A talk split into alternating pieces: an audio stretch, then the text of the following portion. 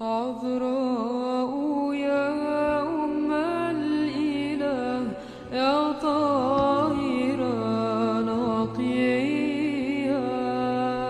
La det forgjengelige lys fra din åpenbaring skinne i våre hjerter, o menneskekjære Herre. Måtte du opplyse våre sinn når vi leser om dine hellige tjenere.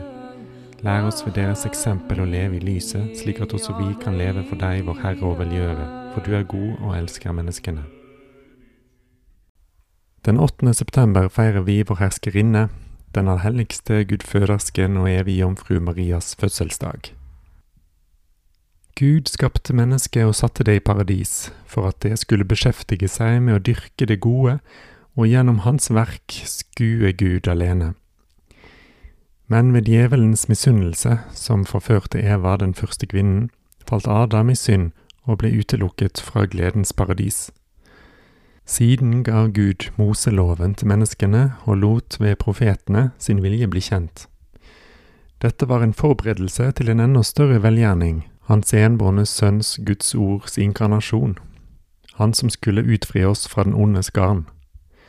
Ved å ta på seg vår natur ville Kristus fullt ut ta del i vår falne tilstand, dog som syndfri, for han alene er uten synd, for han er Guds sønn.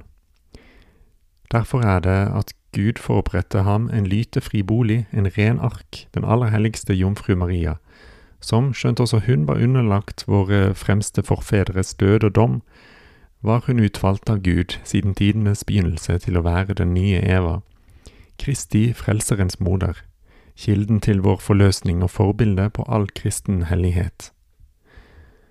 Hennes far het Joakim. Han er stammet fra Davids kongeslekt. Hans kone het Anna, og hun stammet også fra den samme kongeslekten. Historien om dem som senere ble Jesu besteforeldre, kan leses i Jakobs protoevangelium, som er skrevet ned på midten av hundretallet. Sannsynligvis en fortelling som er overlevert muntlig lenge før den tid. Ifølge en guddommelig økonomi, og for å vise at menneskenaturen er ufruktbar før Kristus kom, hadde Gud latt Joakim og Anna være uten barn helt til de nådde en høy alder. Da Joakim var rik og from, avlot han ikke å vende seg til Gud i bønn og ofre ham gaver, for at han måtte utfri ham og hans hustru fra deres skam. En festdag da han hadde framstillet seg i tempelet for å bringe sin offergave, henvendte en av de troende seg til ham og sa, Du har ikke lov å framstille din offergave sammen med oss, for du har ikke barn. Joakim ble såret i hjertet og gikk ikke hjem, men trakk seg tilbake i ensomhet og for å be og for å utgyte sine tårer til Gud. Samtidig gikk også Anna i sin hage og utgytte en strøm av tårer, og oppsendte brennende bønner til himmelen. Vår Gud, som er rik på miskunnhet og full av medlidenhet, hørte deres bønner og sendte erkeengelen Gabriel, Guds velbehagsengel og frelsens forkynner, til Anna, for at han skulle forkynne henne at hun til tross for sin alder skulle unnfange og føde et barn, og at om dette avkommet skulle det omtales på hele jorden. Full av glede og forundring svarte hun, Så sant Herren min Gud lever, om jeg føder en sønn eller en datter, vil jeg vie ham til Herren min Gud for å tjene ham alle sitt livs dager. Også Joakim fikk besøk av en engel, som bød han begi seg på vei med sine dyreflokker og reise hjem og glede seg sammen med sin hustru og hele deres hus, for Gud hadde besluttet å gjøre ende på deres skam. Da det nå var gått ni måneder, fødte Anna. Hun spurte jordmoren, Hva har jeg født til verden? og fikk svaret, En pike. Og Anna svarte, Denne dagen er min sjel blitt herliggjort. Og hun la forsiktig barnet i en seng. Da morens renselsesdager var forbi, sto hun opp, vasket seg, ga barnet bryst og ga henne navnet Maria det navnet som patriarker, rettferdige profeter dunkelt hadde ventet, og som Gud ville virkeliggjøre den planen gjennom, den planen som han hadde hatt i det skjulte siden verdens begynnelse. Fra dag til dag fikk barnet mer styrke.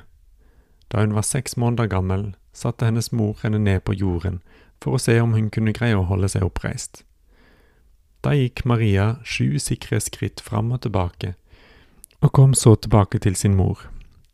Så løftet Anna henne opp og sa, Så sant som Herren min Gud lever, skal du ikke igjen trå dine føtter på denne jorden før jeg fører deg til Herrens tempel. Hun innrettet en liten helligdom i barnets værelse, hvor intet ondt eller av verden kom inn. Og hun lot døtrene av israelsfolket av renhet komme og leke med barnet. Da den lille fylte ett år, inviterte Joakim alle på en stor festmiddag. Han ba inn prester, skrivere, rådsmedlemmer og hele Israels folk. Joakim viste fram den lille jenten for prestene. Disse velsignet henne og sa, Våre fedres Gud, velsign denne lille jenten, og gi henne et navn som skal nevnes evinnelig av alle slekter. Og alt folket svarte, Slik skal det skje, slik skal det skje, amen. Joakim framstilte henne også for ypperste prestene. Disse velsignet henne i det de sa, Gud i de høyeste høyder, senk ditt blikk ned på denne lille jenten, og gi henne den høyeste velsignelse, en velsignelse som ingen annen. Hennes mor tok henne til hennes rom og ga henne bryst idet hun henvendte denne sangen til Gud Herren. Jeg vil synge en sang for Herren min Gud, for Han har besøkt meg og fjernet mine fienders forhånelse. For Herren har gitt meg en frykt av sin rettferd, den rettferdighet som er én og samtidig mangfoldig. Hvem vil kunngjøre for Rubens barn at Anna er mor? Hør, hør, dere Israels tolv stammer, at Anna er mor.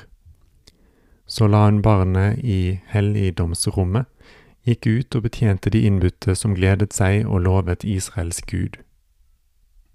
Din fødsel, gudføderske og jomfru, brakte bud om glede for hele verden, for fra deg framstrålte sannhetens sol, Kristus vår Gud, som opphevet forbannelsen og ga velsignelse, som tilintetgjorde døden og ga oss evig liv.